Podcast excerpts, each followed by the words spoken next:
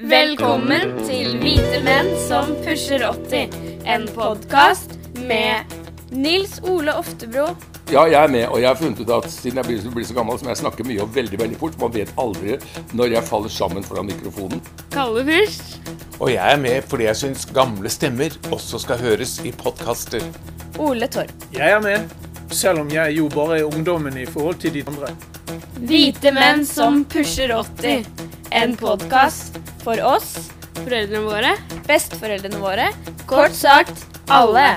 Sett i gang. Vi hører på dere, kanskje, men vi følger med på Snapchat samtidig. Ja. Det er akkurat nå så syns jeg at det er mye mye spesielt. Og ikke særlig morsomt i verden. Ja. Nei, det er liksom Jeg vet ikke hvordan Det er iallfall ikke mye å lage humor på når vi skal snakke sammen i dag, dere. Nei, nå er liksom både gamle konflikter og nye konflikter oppe og står liksom absolutt i alle bauger og kanter overalt. Nå er det helt Ja. Men altså, den gulrotkaken vår eh, Den er en trøst i dagens Ja. Skal vi vente til du er ferdig? liksom, Nei, med å kan- spise den? men- jo, men- men Ole kommer til å gå da rett inn i et eller annet han er uenig i, og da snakker han med mat i munnen. Og det er Og- ikke noe smatter fint. og sånn. Han smatter, ja. Det der, ja. Nei, men en, Smatting på bergensk, det er i overkant. Da tar jeg litt kaffe. jeg har fått den koppen som slurper. Da følger jeg også med, så Ja. er vi i gang. Men dere, okay. velkommen til uh, uh, menn som pusher 80 i Ja. en uh, tidsperiode som er litt eh, dyster. I dag er det onsdag, og vi har akkurat fått beskjed Når vi gjør opptak, så har vi fått beskjed om at det er bommet et sykehus i Gaza, og de diskuterer da hvem som er ansvarlig for Så hvis det nå er de som faktisk har bombet det sykehuset, så er det noen i ledelsen i Israel som, hvis de har gjort med vilje, som er syke i hodet sitt. Ikke Men de har jo bombet veldig mye, da. Jo, jo, men det, vil, det, vil, ja, men det kunne du ikke vente. De har jo flatet nord, det nordlige um, det nordlige Gaza. Og Ja, det, og det var Men de har jo gitt som- noen dagers frist på folk på å komme ut hvis de har Ja, lyst til å dra ut. Det har de gjort. ja, da. Men det De har gjort jo- klar over at de kommer til å gjøre det, så det er jo ikke noe nytt. Noe helt annet ting er å bombe et sykehus. Vi vet helt- at det ligger mange syke mennesker. Det, altså Om folk velger å bli igjen i hus som de vel vet kommer til å bli bombet, det får nå være opp til den enkelte. Mm, eh, Og at- Bortsett fra at Hamas jo har sagt at folk ikke må flykte, de må stå opp mot fienden. Ja, men det Så er der jo er feil- Hamas' feil på begge eh, sider. Ja, men det er jo Ja, ja, Hamas' er- evige greie at de Altså, bruker altså, sitt eget folk som buffer for å oppnå medlidenhet i Vesten. Det er jo helt grusomt. Så på den ene side har ikke israelerne lov å bombe sivile områder, og på den andre siden har ikke Hamas lov å bruke sine sivile som menneskelige skjold. Så det er jeg, jeg mener faktisk at her kan man stå inne for å si at her er det grove feil på begge Ja, ja, sider. ja absolutt. Altså, men det er jo så det er jo, det, Man blir jo helt sånn eh, virkelig deprimert når du får en sånn situasjon hvor, hvor alle gjør feil, for å si det sånn. Og jeg, jeg tror, altså Det virker jo nå i ettertid som eh, Vi snakket om dette for en uke siden. Som det de har gjort, Hamas, det er liksom å prøve å få fokus på eh, Palestina igjen. At de har liksom tenkt at nå er, nå er Palestina-saken borte vekk, og ingen tenker på det. Og vi har okkupasjonen av Vestbredden, vi har Gaza-stripene altså Vi vil gjerne forhindre en avtale mellom Saudi-Arabia og Israel, tenker jeg. Ja, ja blant annet. Og så Men så går de videre liksom på dette her, og så får Nei, nei det er helt eh, Ja.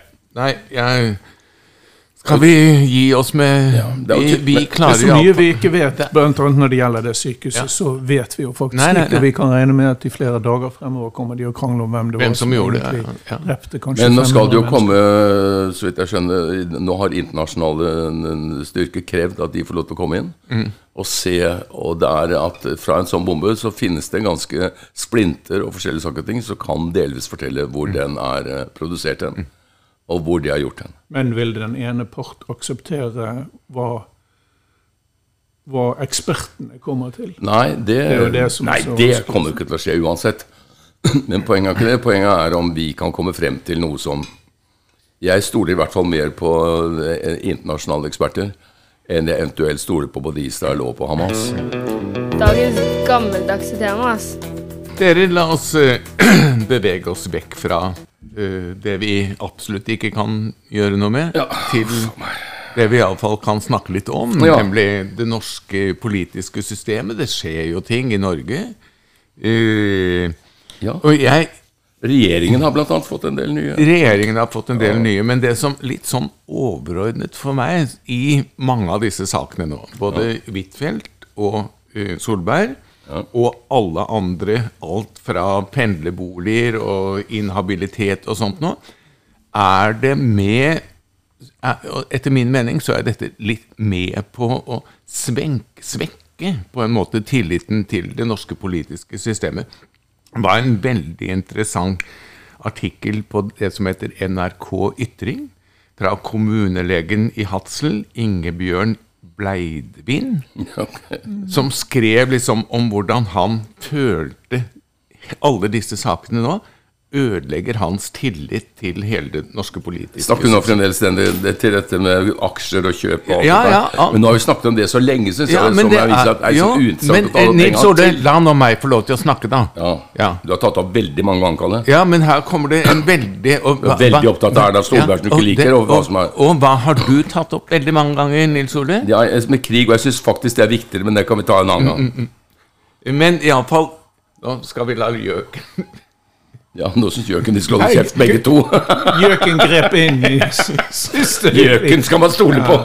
Men det var noen gode formuleringer i det brevet. Jeg synes Det er han som skriver, han eh, Bleidvin, han skriver om han som spiller kasino mot den norske stat mens eh, landet er i kris og sånne ting. Ja. Jeg tror nok han, han målbærer en del raseri og frustrasjon der. Han, mål, han målbærer veldig mye av det jeg tenker. Liksom, er det, skal det være han, Da sier han da melder jeg meg ut av, uh, av Da stemmer jeg f.eks. ikke neste gang. Da melder jeg meg ut. Da blir jeg Hjemmesitterpartiet. Det kan jo hende at Hjemmesitterpartiet kommer til å bli et kjempestort parti etter hvert. Kommer å bli det statsbærende partiet. Ja. Hvis vi mangler tilliten til, til det. Men Og så er det kommet mange nye statsråder. Og gjennom, vet dere hva gjennomsnittsalderen på de norske statsrådene er? Det kan vi snakke om. Hvorfor ble f.eks. en mann som nå ikke lenger skal sitte og lede byregjeringer, for eksempel, ikke valgt inn i den statlige regjeringen? Han er en meget, meget populær mann i Oslo. Det? Det var hans Hva sa du? Han er hvit, Raman, han er middelaldrende, ja. han er mann, Ja, han er fra Oslo. og han får da overhodet er ikke plass. ikke sant? Nei. Og det er en masse ukjente unge mennesker rundt omkring de tar inn. Det virker på meg som et sånt PR-stunt. Kanskje er det omvendt, at dette er utrolig flinke folk. Jeg vil si, Det er det jo helt sikkert. Men jeg syns det er veldig rart at de ikke har funnet plass til eh, Det jeg syns også det. Jonas uh, har sagt at han vil velge et team for fremtiden. Det skjønner man jo. Jeg husker den gangen jeg syntes det var rart at vi fikk en statsminister som var yngre enn meg, men det er kommet over nå. Jeg har også kommet over det. Den første gangen. Det er bare i USA, for de har noen på min alder. Så jeg synes det er kjempefint. Men, eh, men eh, jeg syns også det er pussig at de velger bort Raymond. Altså. Ja. I den der kabalen hvor det må være så og så mange unge, og må være sånn og sånn fordeling i land og i kjønn og alt mulig sånt. At en så erfaren og dyktig politiker som Raymond Johansen ikke får plass i en Arbeiderparti-regjering når den regjeringen er i så mye trøbbel som den er i. Det, Jo, men- men da- det er råflott. for å s- Og, for men da sånn. er det også noe som det vi har snakket om, hvite menn som pusher 80. Altså vi er ca. 20% av den norske befolkningen som da er over 62 år, ikke sant? Det er altså ingen av de i det hele tatt som nå har plass i regjeringen. Og det er vel bare min gamle klassekamerat Carl. Hagen som har plass på Stortinget, som liksom er litt i, litt i eldregruppen. Ja, og han, er, han gjør ikke så mye av seg, han heller, lenger. Nei, lite grann. ja. Jeg syns Raymond også har gjort en ting at han er Han var jo Man kunne like Arbeiderpartiet eller samarbeid med Miljøpartiet De Grønne kunne man synes mye rart om, eller Høyre eller Venstre, men han som person var jo veldig populær, Raymond. Det tror jeg er langt forbi både vi som nærmer oss 80, og for de som nærmer seg 20, holdt jeg på å si. Altså Han var populær opp og ned alle, i alle aldersklasser, så jeg syns det er et veldig rart at de har gått forbi han Og, og med en veldig bred base. Et veldig folkelig appell. Ja. Kanskje har han akkurat det som mange føler at Arbeiderpartiet mangler når det er ingen som har vært rørlegger eller snekker. eller sånn. Drømmen ja. hadde jo rørleggerbakgrunn. Ja. og stor erfaring. Altså, jeg har truffet ham i utlandet på fredsmegleroppdrag. Da han var statssekretær. Mm. Altså Vise utenriksminister var han jo faktisk i sin tid, som en statssekretær er. Uh, glimrende i, i, forhandlinger om fred i Latin-Amerika. Glimrende i arbeid for menneskerettigheter i dialogen med Kina. Overalt, høyt og lavt, men altså ikke aktuell for den norske Arbeiderpartiregjering som er i krise, og som kunne trengt en sånn mann. Jeg syns det er rart. Jeg syns også, det, er trist. Det andre vi kunne snakke om, er jo det at de nå faktisk kommer til å nedlegge Ullevål sykehus.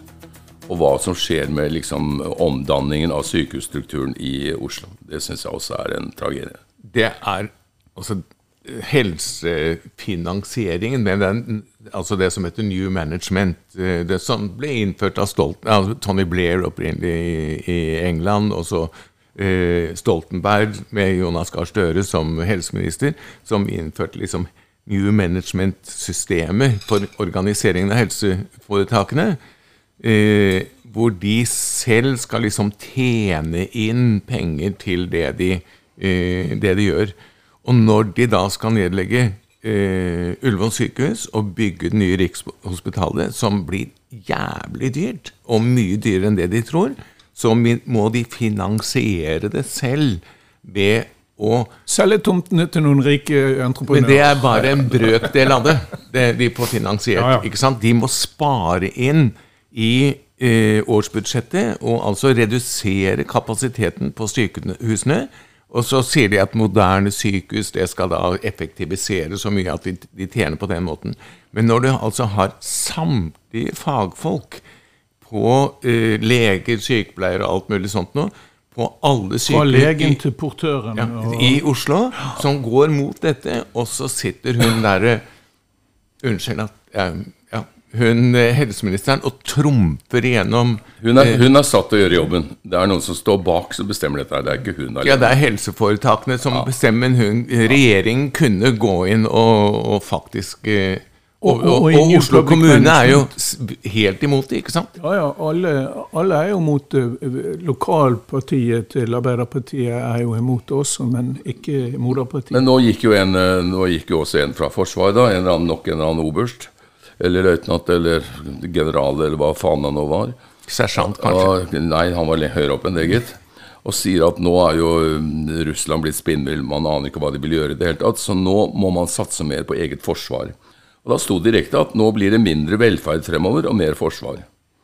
Og det må jeg si at jeg syns det er trist. Altså, Vi har liksom vært kjent i Norden for å være en velferdssamfunn, ikke nødvendigvis et forsvarssamfunn. Og det man må snakke om hele tiden, er jo på en måte hvor, hvor realistisk tror man Mener man alvorlig at forholdet mellom Norge og Russland kan sammenlignes med forholdet mellom Norge og Ukraina? Hvilken historie finnes i århundrer mellom Ukraina og Russland? Og hvilke fins mellom Norge eller Sverige og Fredevåg? Mm. Jeg, mener, er. Jeg mener at det er en konspirasjonsteori. Det fins ingen grunn til absolutt ingen til at Russland skulle ønske å ta Europa. Punktum. Hvis du, kan, hvis, du, hvis du, Ole Torp, som ikke er så veldig glad i Russland, det vet jeg, og ikke glad i Putin og ingenting, som heller ikke jeg er, men som da mener at vi bør ha et sterkere forsvar Hvis du kan vise meg ett brev, ett skriv, én ting noen gang som noen av disse offiserene har bygget sin eh, påstand på, så er jeg villig til å høre på det mot det jeg altså, sier. Jeg vet, ikke, jeg vet, ikke, hva du vet om mitt forhold til Russland. In, ikke en dritt, men det gidder jeg ikke å snakke om. Det, det, det, handler, det handler, ikke om ditt forhold til Russland. Men, så du, du, det handler om ditt forhold til forsvar, som du naturligvis mener at vi bør bygge opp. Og det må jo være en grunn nei, til. Jeg har ikke sagt noe av det. Jeg, jeg bare forsøker Noen ganger legger du ord i munnen på Ole. Jeg beklager. Det skal jeg aldri gjøre mer. Men mener du at man bør ruste opp Forsvaret fordi du mener at det er en trussel fra Russland? Jeg mener at vi må ha et forutsigbart forsvar i en tid hvor de fleste som hevdes å ha rede på dette, mener at Russland oppfører seg nokså uforutsigbart. Nei, men eh, vi, hvordan kom vi fra Ullevål sykehus til uh, Ukraina? Jo, fordi var... Nils Ole er veldig opptatt av nei, å bygge ned nei, Forsvaret. Nei, jo, fordi, sånn fordi, man sier at, fordi han sa rett ut at nå blir det mindre velferd og mer forsvar. For denne fyren var ikke tjukk i huet, han skjønte at penger kan du bruke én gang. Så hvis du bruker de på forsvar, så må den tas fra et eller annet. Hvis du ikke da skal bruke på alle disse oljepengene som du er veldig forsiktig med, disse forskjellige reglene, så må de tas fra noe sted. Og da tas de selvfølgelig fra velferd. Det er helt klart det. De tas av eldre, tas av sykehus, tas av alt mulig. De tas jo ikke fra de rike. De tas jo ikke fra de som tjener penger, for de er jo beskyttet av at de er så flinke til å holde samfunnet i gang. Så det kommer til å tas derfra. Og den debatten kommer man ikke utenom. Jeg håper han Nobelsen snubler trapp ned fra kontoret sitt. Hva, sa du for noe? Var det Er mye i trappe ned fra fram Nei, det var kontoret bare han som har skrevet den artikkelen. Jeg syns liksom at jeg synes hele Europa, hele den kampen altså Tusener og tusener av kroner skal gå nå gå til eh, ja, Jeg har sagt det før, ikke til samarbeid, men til å eh, sementere skillelinjer og en masse angst for hva som kan komme til å skje. Altså. Jeg synes det er Vi skal jobbe sammen om klima. Det er, det er utrolig tragisk. Altså. Men altså, hvis ikke vi bruker penger på forsvar, så kommer ikke Nato å beskytte oss heller. For det er ventet at man på en måte har en, en slags egenandel i dette forsvarssamarbeidet. Det er riktig. Hva tror dere skjer med amerikanernes støtte til Nato hvis vi nå, og til Europa hvis vi nå får et presidentskifte? I, for det at i, i USA så er det jo nå snakk om å få Der har de ledere som er betydelig eldre enn de som sitter i det gjennomsnittet i den norske regjeringen nå. altså.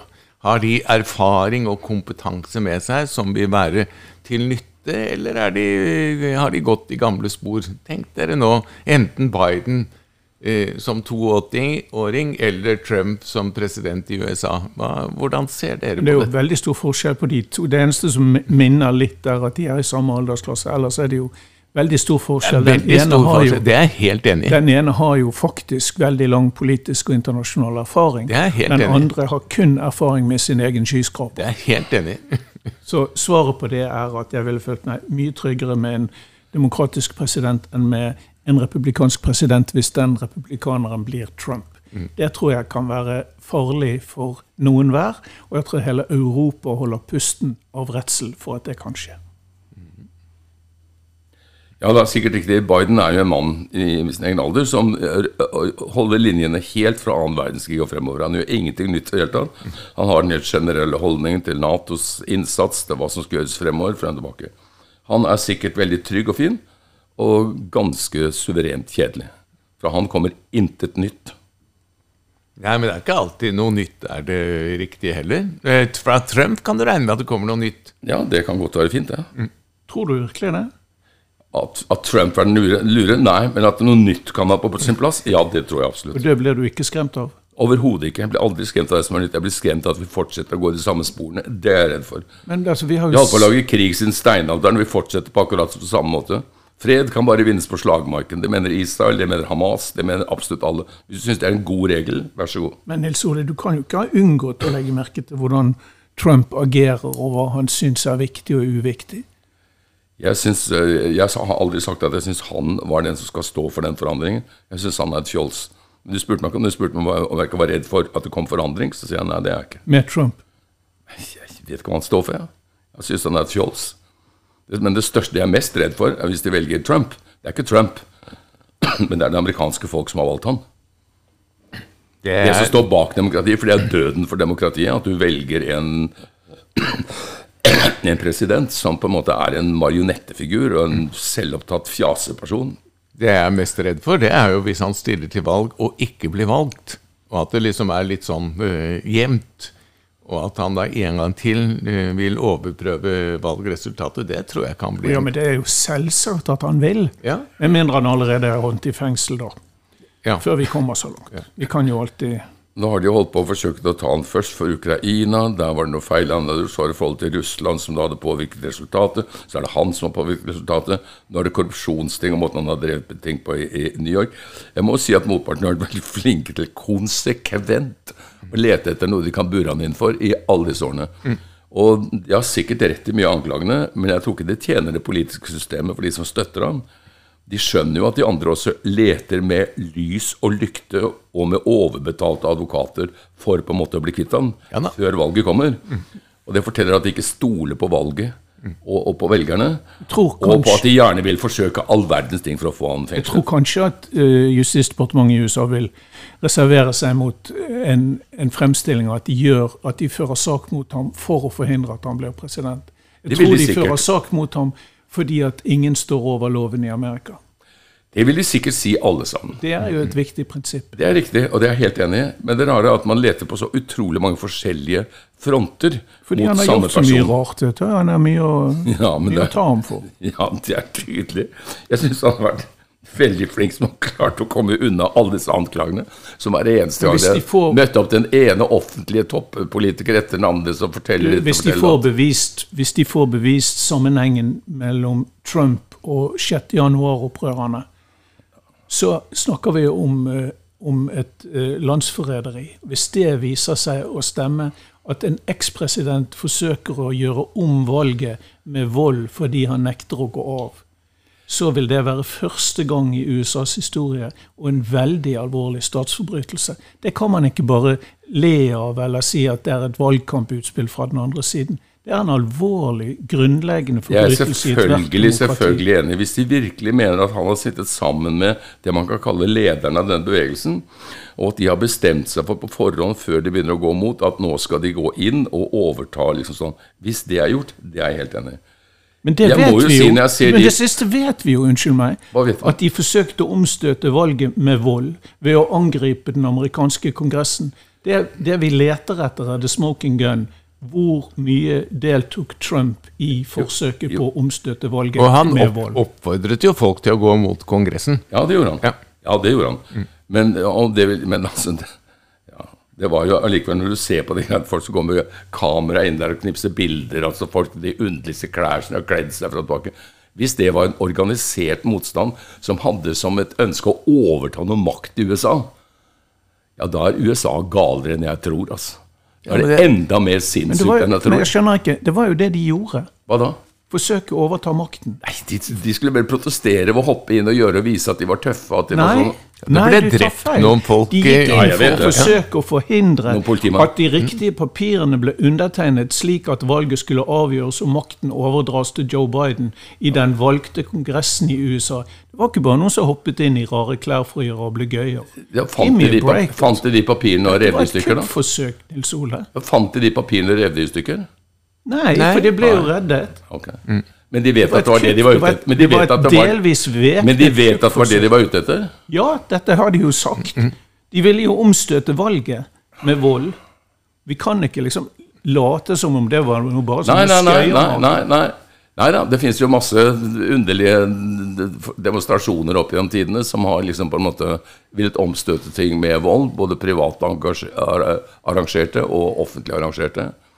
Om dette er det ene eller andre, det vet ikke jeg. jeg Jo, det burde du vite, for det har, det har aviser og fjernsyn og alle nyhetssendinger vært full av. ja, det vet jeg, men det er ingen som har klart å påvise enda, er det det? At det er Jo. Trump som bevisst har gjort dette? Nei, nå snakker jeg om at det er den verserende rettsprosessen mot ham. Kan han knyttes direkte til de delvis væpnede opprørerne som ville forhindre at han mistet makten, eller var han bare litt sånn heiamann? Vi vet at de prøvde å gå inn og stoppe prosessen med å la en ny president overta. Det var et viktig papir som skulle undertegnes i Kongressen. De var på jakt etter visepresidenten, hvor de hadde laget galgen klar. De forsøkte å finne Galgen, en hvordan da? de truet med å henge visepresident Mike Pence, som var den som skulle skrive under på det. De prøvde å få tak i Nancy Pelosi, som de hatet. og Ja, Gud satt på kontoret hennes, det vet jeg. Ja, det vet jeg. Dette var farlige folk, og ikke noen skøyermakere, altså. Dagens anbefaling! Eh, Er det noen av dere bortsett, som har noen anbefalinger, bortsett fra å følge med på rettssaken mot uh, Trump? Som jo kan være en komedie i seg selv. Er det noen andre som har opplevd noe morsomt? Nei, jeg syns verden er fra liksom alt dette med bomber i Brussel til ja, det som du nå skildrer, ikke sant? altså prosessen mot uh, i Amerika. Som jeg syns hele verden er i ferd med å bli absurd. Liksom. Hele, altså er, den er livsfarlig overalt. Og den er helt uforutsigbar. Du aner ikke hvem kastet bomber mot dette sykehuset. Hvem ventet at uh, Hamas skulle gå inn og gjøre dette? Vil Russland virkelig med vold gå inn og ta Svalbard? Vil eh, folk rundt omkring i Europa nok en gang begynne å drepe alle svensker fordi de har brent Koranen. Altså, det fins hundre forskjellige ting som vi kan sitte her og mene veldig mange forskjellige ting om, men sammenlagt må jeg si alt sammen skremmer meg veldig mye. Og jeg har ikke svar på noe av det. Jeg så, Det er antagelig en refleks av at verden er sånn som den er. Jeg så Nytt på Nytt forrige helg. Eh, og der, som jeg har pleid å synes er et ganske gøyalt program, fulgte til og fra i mange år. Nå tror jeg, det, tror jeg slutter med det, altså. Eh, der satt eh, tilsynelatende fornuftige voksne mennesker som var invitert i studio og diskuterte Palestina-Israel-konflikten. Og eh, laget noen artige vitser om at jødene trengte litt syklon B-gass, og at dette var det beste som hadde skjedd siden krystallnatten. Det var altså så vulgært og usmakelig at jeg har ikke sett på make. Dette var folk som var delvis betalt av NRK for å si gøyale ting. Delvis er dette skrevet for deltakerne, men du kan reservere deg mot å si det. Uh, og delvis var det folk som er Det var bl.a. en ung politisk leder som var innkalt for å snakke om dette. Han syntes at Krystallnatten var en artighet. Og det virket jo ikke som det var historieløshet heller. Det virket som om de kunne sin historie, og da blir det liksom ekstra ille og uh, motbydelig den måten de vitset med så alvorlige historiske hendelser på. Så um, Nytt på Nytt falt litt i min aktelse den dagen. Jeg forstår det er veldig mange som har klaget på Ja, og det, det, det, jeg liker jo også Nytt for nytt på nytt, men jeg syns jo de bommet totalt med å liksom lage humor på Palestina-konflikten. Eh, Det må jeg si. Og noen ganger, noen ganger vi som er gamle av og til Når jeg, jeg har jobbet i NRK-systemet, så sier jeg liksom Det burde være noen voksne til stede noen ganger. Som liksom passet på når ungdommen blir liksom helt eh, gal. Nå er jo Bård eh, etter hvert ganske blitt eh, ganske voksen, men eh, det er eh, ja, det er ja. Men det er noe av konseptet, ikke sant? At man skal på en måte drive vitser eller lage ting ut av moderne problemstillinger. Jeg har vært gjest der to ganger, og jeg har ikke fått skrevet noen tekster. Og jeg har funnet det veldig vanskelig, for at jeg får lyst til å liksom, snakke om det på alvor. Jeg får, jeg, jeg, jeg får vond smak i munnen av en del av de der evinnelige, moderne forsøkene på å være ironiker, latterliggjøre alle problemstillinger. Og eh, jeg vet ikke, jeg synes nordmenn er veldig snåle. Vi er veldig bastante på Vi er så svart-hvitt-tenkende. Enten holder vi på den siden eller på den siden. Det er veldig sjelden vi virkelig gjør noe forsøk på å liksom se en sak fra begge sider.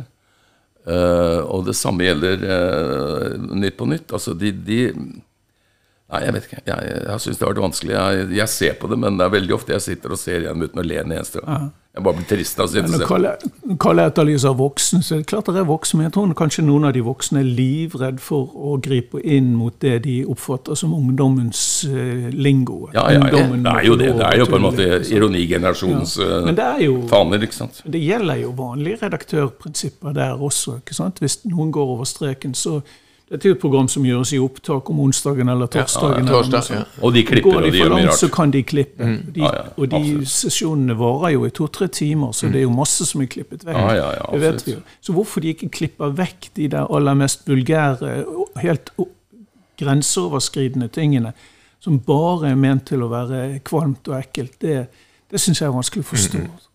Og, de har, og hvis de har en effekt på Hvis de mener å treffe ungdommen med disse programmene, hvilket de antagelig ikke gjør på en fredag kveld, men de drømmer kanskje om det, um, så burde de jo passe seg for å si at det er gøy å vitse med holocaust.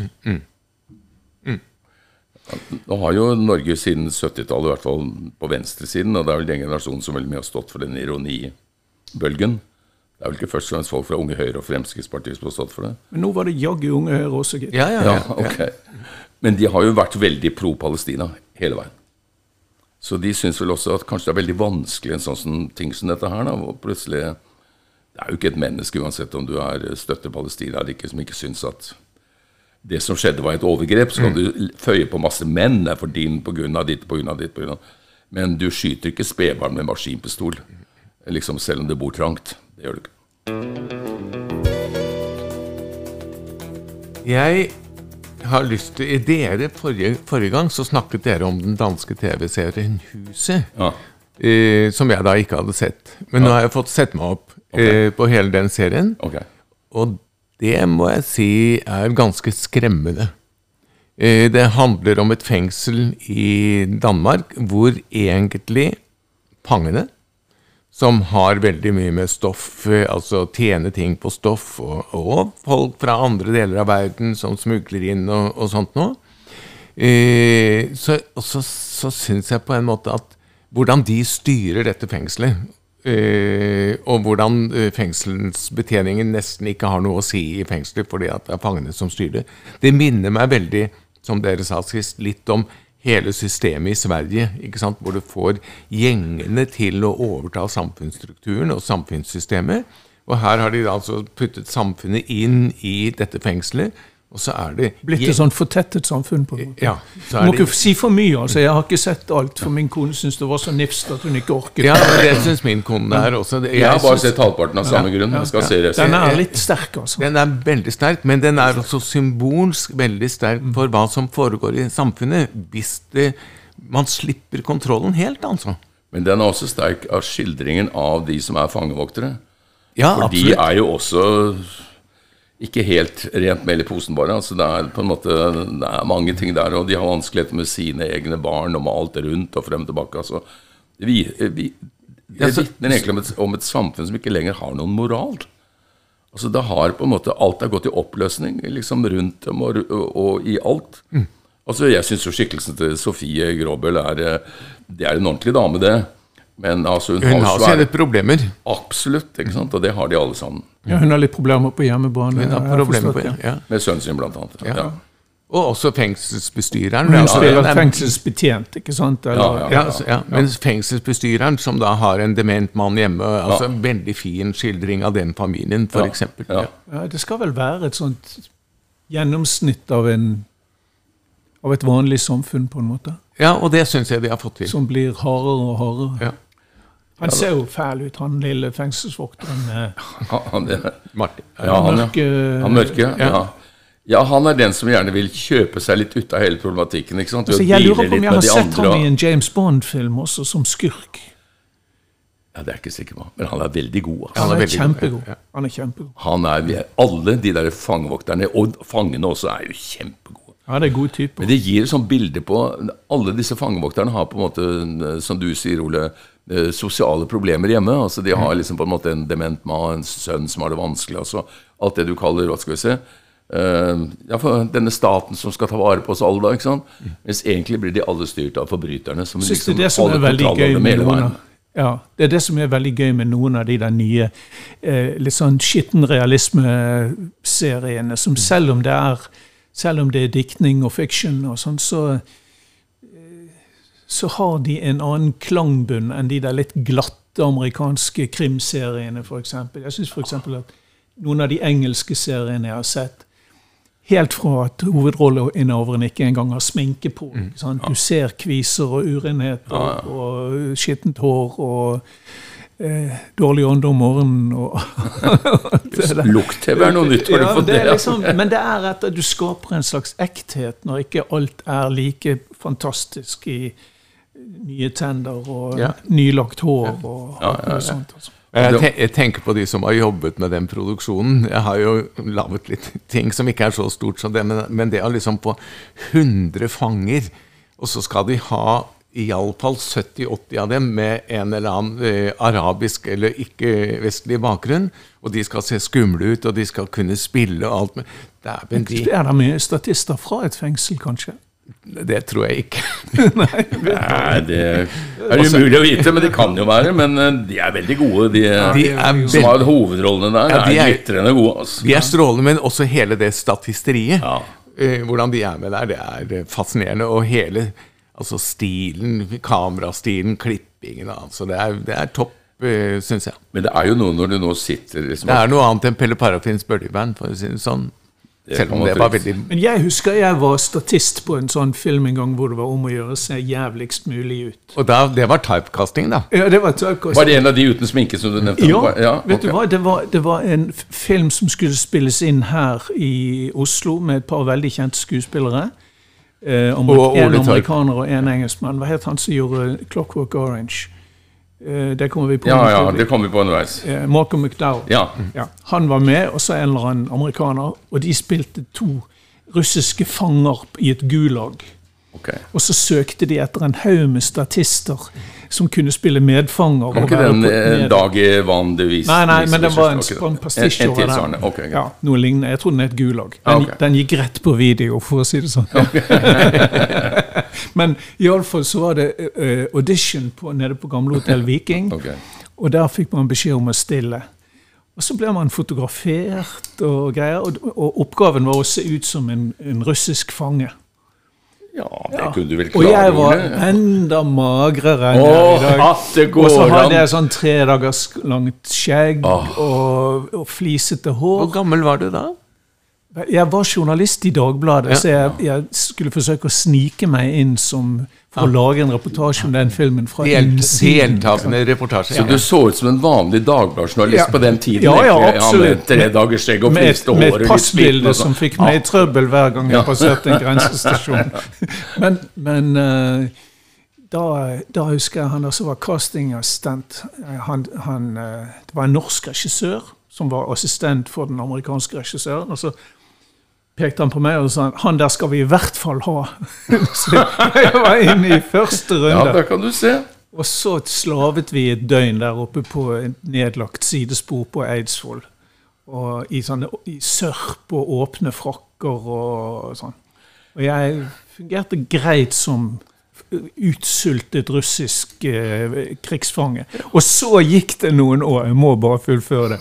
Så skulle, kom Se og Hør, som jeg aldri har hatt noe særlig eh, glede av, og ville lage en reportasje på mitt liv i i Washington DC, da jeg var korrespondent der. Ja, jeg traff deg der borte. Ja, men de ville lage storyen på hvor hardt det var å være reporter under 11. Å ja, september-terroren. ja, akkurat. Og så kom det en helside. Um, og da, da sto det 'Ole Torp står midt i uh, terroren i New York', men har vært ute en vinternatt før. Og så kom det i, ho i hovedoverskriften, så sto det 'Var russisk krigsfange'. og så hadde, de, så hadde de gått i Dagbladet og lånt et av bildene som Tom Martinsen hadde tatt av meg, som russisk krigsfange. Ah, Dobbelt oppslag i Se og Hør. Ja, Ole Torp var russisk krigsfange. Ja, det er bra. Vår, vår angst for Russland, den gir seg aldri. Ja, det har du det. Nå- nå- Den er- nå er det. Selv Se og Hør, det kan vi bruke. Selv fiksjonen er nok til å skrive Ja, men da, det, er- det er hans traume.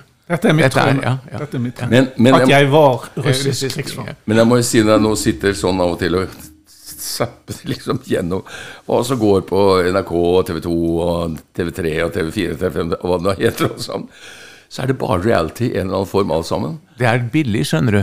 Jeg skjønner det, men når du da får huset, som er en ting som er laget med en hensikt, med en vilje, så må jeg si at hvem som gråter fordi at du ble stemt ut for kaken din var ikke riktig, liksom, fra et eller annet kakebakeri, den Herregud, så banale vi er blitt. Jeg ser ikke på noen av de der reality Det var ikke anklage mot deg direkte, nei, Kalle, nei, nei, men, men, eh, jeg, jeg, Så jeg kan ikke uttale meg om det. Jeg tror det har med vår alder å gjøre. at Hvis du begynner å se et TV-program hvor du kjenner at du begynner å kjede deg, eller at du er interessant, så slår du raskere av i dag, Mm. for det har vi ikke tid til.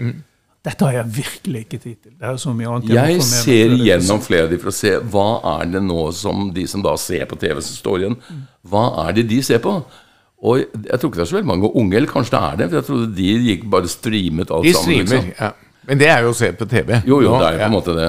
Men jeg tenker vi vil virkelig la oss underholde. Altså. Vi vil ikke egentlig ta stilling til noe som helst annet enn Og så er det kanskje fordi at er det sånn at, eh, at det føles demokratisk? At nå er det vanlige folk som er på TV? Det er ikke kunstnere, det er ikke sånn. skuespillere, det er ikke voldsomme problemstillinger.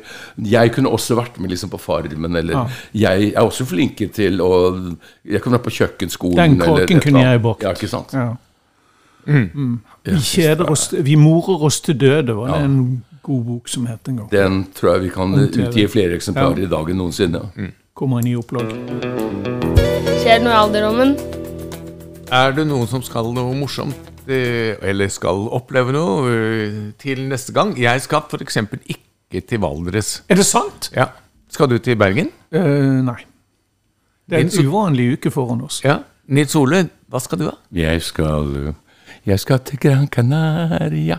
Jeg skal sitte med en liten paraplydrink Caramba. nede ved Atlanterhavet. Og der er det 23 grader i vannet.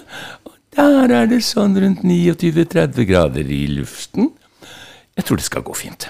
Helt til det kommer noen flyktninger drivende i havet som eh, har rømt fra Nord-Afrika med en sjaberbåt og med flyktning med smuglerhjelp. Dette har vi jo da har vi sett flere ganger der Ja. nede. Ja, ja, der var det der nede. Så kom de aller første, både til Puerto Rico og til Du Argentin. som mener er ikke å ødelegge moroen for deg, men det er jo blitt en, eh, et problem. Men la oss si det er et problem for hele verden. Bare at vi, er heldige som sitter her, spesielt på vestkanten i Oslo, hvor vi er litt lenger fra den hvis du er der nede.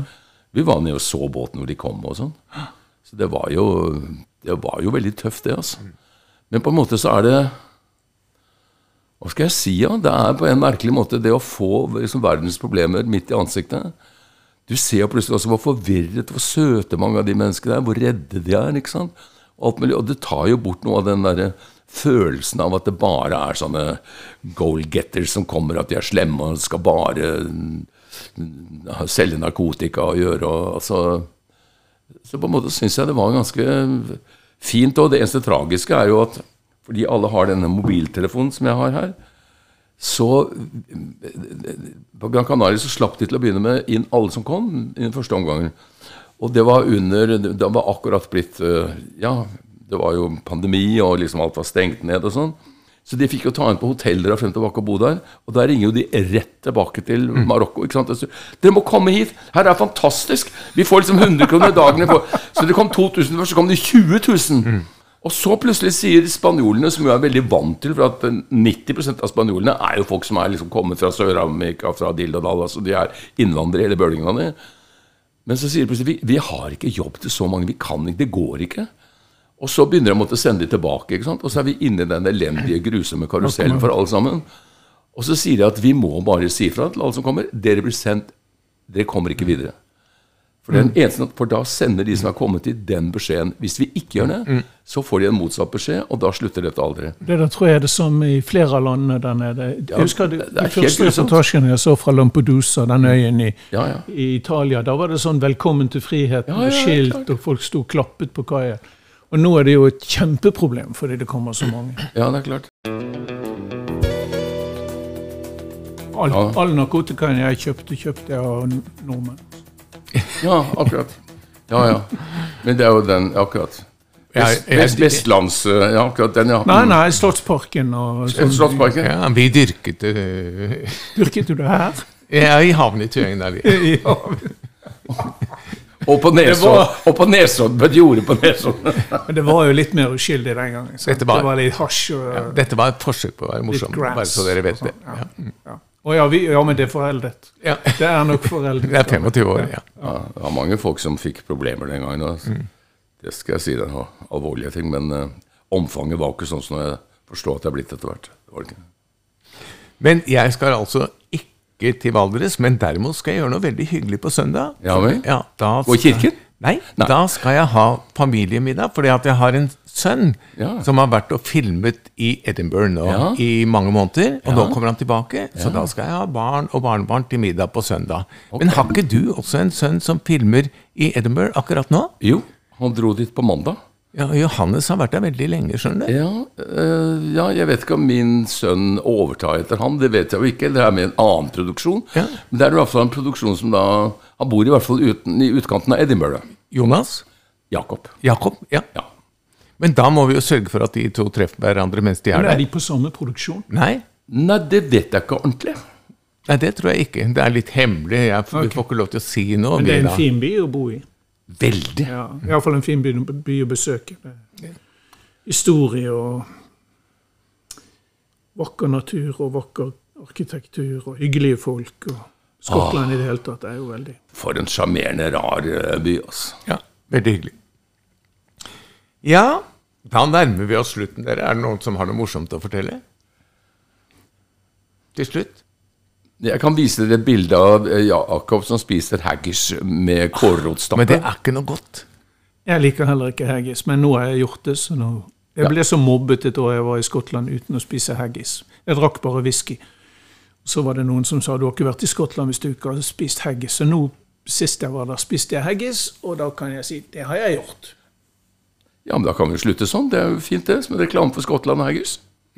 Har de haggis i Bergen? I Bergen heter det raspeballer. Det høres jo mye grovere ut, men ok. Ja.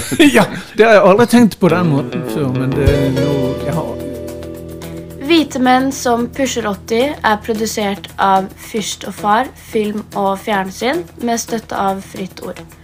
Medvirkende er Ole Torp, Nils Ole Oftebro og Kalle Fyrst, som også er produsent.